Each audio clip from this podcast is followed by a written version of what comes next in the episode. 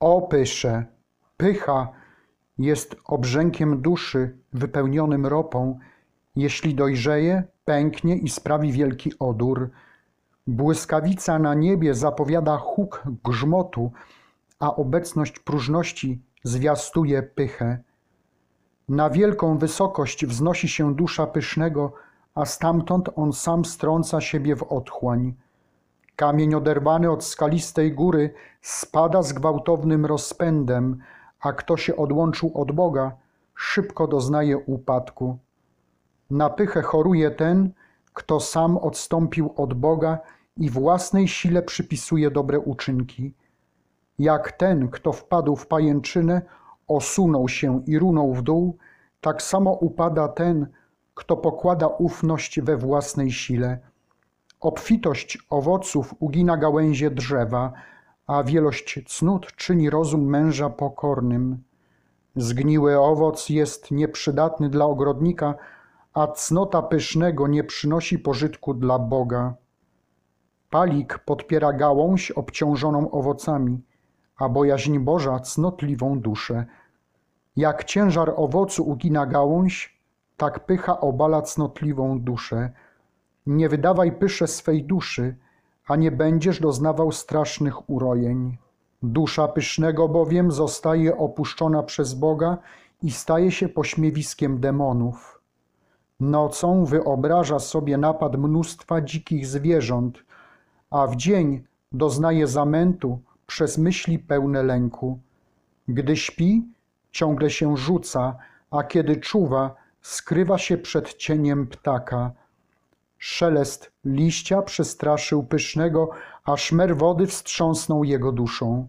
Kto bowiem jeszcze przed chwilą sprzeciwiał się Bogu i gardził Jego pomocą, wnet przerazi się zwykłymi zjawiskami. Pycha strąciła z nieba archanioła i sprawiła, że jak błyskawica spadł na ziemię. Pokora zaś prowadzi człowieka do nieba i usposabia go do tańca w korowodzie z aniołami. Dlaczego się wywyższasz, człowiecze, skoro jesteś mułem i zgnilizną z natury? Dlaczego nadymasz się i wynosisz ponad chmury? Spójrz na swoją naturę, gdyż ziemią jesteś i prochem, i niebawem rozłożysz się w pył. W tej chwili wyniosły, a wnet robak. Dlaczego podnosisz kark, który wkrótce ulegnie zgniciu? Wielki jest człowiek, który znajduje pomoc u Boga, a opuszczony poznaje słabość swojej natury. Cóż masz, czego byś od Boga nie otrzymał? Dlaczego więc chełpisz się cudzym, jakby swoim? Dlaczego chlubisz się łaską Bożą niczym własnym bogactwem? Poznaj dawcę, a nie wynoś się wielce. Jesteś stworzeniem Bożym, nie odrzucaj Stworzyciela. Znajdujesz pomoc u Boga, więc nie zapieraj się dobroczyńcy. Wstąpiłeś na wyżynę szlachetnego życia, lecz to On wskazał ci drogę. Spełniłeś cnotę, ale On współdziałał.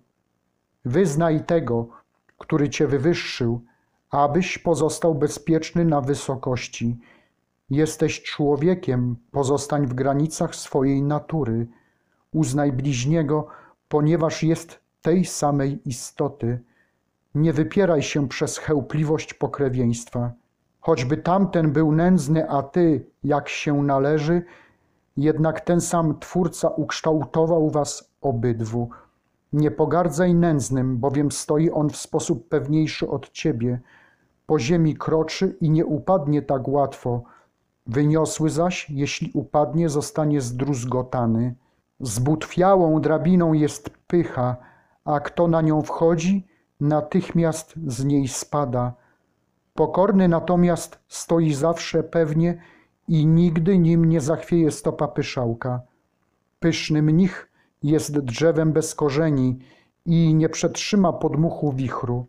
Skromny umysł miastem obwarowanym, a kto w nim zamieszka, będzie bezpieczny od napaści.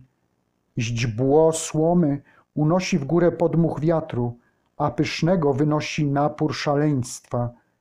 Pęcherzyk wodny znika, gdy pęknie, a wspomnienie o pysznym ginie ze śmiercią. Słowo pokornego jest balsamem dla duszy, a słowo pysznego jest napełnione chełpliwością. Modlitwa pokornego zyskuje przychylność Boga, prośba zaś pysznego ogarnia Boga gniewem. Drogocenny kamień błyszczy w złotej oprawie, a pokora męża jest przyozdobiona wieloma cnotami. Balustradą na dachu jest pokora i zachowuje w bezpieczeństwie tego, kto wchodzi. Jeśli wspiąłeś się na szczyt cnót, wtedy potrzebujesz szybkiej ochrony. Kto bowiem upadł na ziemię, szybko powstaje. Kto zaś spadł z wysokości, popada w śmiertelne niebezpieczeństwo. Często spożywa ktoś niekwaszony chleb, obchodząc paschę, a cnotliwa dusza żywi się skromnością. Jak bowiem zakwaszone ciasto rośnie, skoro się je wkłada do pieca, niekwaszone zaś pozostaje takie samo, tak cnota pysznego wynosi, pokornego zaś nie nadyma ku szaleństwu. Jeśli uciekasz od Labana Syryjczyka, uciekaj potajemnie i nie ufaj mu, gdy obiecuje, że cię odprowadzi. Z jakiego bowiem powodu mówi, że odprowadzi, z takiego też zatrzyma. Kiedy bowiem odprawia z muzyką, fletami i bębnami, zabiega podstępnie, by zbiegły umysł z powrotem przyciągnąć, oczarowując go przez upojenie dźwiękiem i osłabiając poryw przez wrażliwość na melodię. Łaska jest symbolem wychowania. Ten, kto ją ma, przekracza Jordan życia.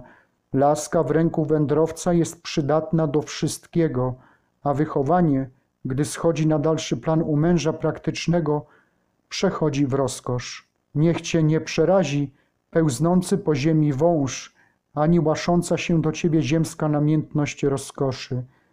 Kiedy bowiem chwycisz jego ogon, stanie się znowu laską w twojej ręce, a jeśli opanujesz namiętność, ustanie. Kąsający wąż na pustyni uśmierca duszę, a raniąca umysł rozkosz łatwo go niszczy. Kto spojrzy na miedzianego węża, ujdzie przed śmiercią, a kto patrzy na zapłatę za powściągliwość, będzie żył wiecznie. Wąż, który kąsa pęciny konia, mocno rani, a mowa o powściągliwości godzi w namiętność. Chroniczne zatrucie leczy się przez wypalanie, a próżność przez niesławę i strapienie. Cięcie i wypalanie silnie bolą, jednak zatrzymują jątrzenie się rany. Także niesława, chociaż ogarnia leczonego smutkiem, to jednak kładzie kres uciążliwym namiętnościom, próżności i pysze.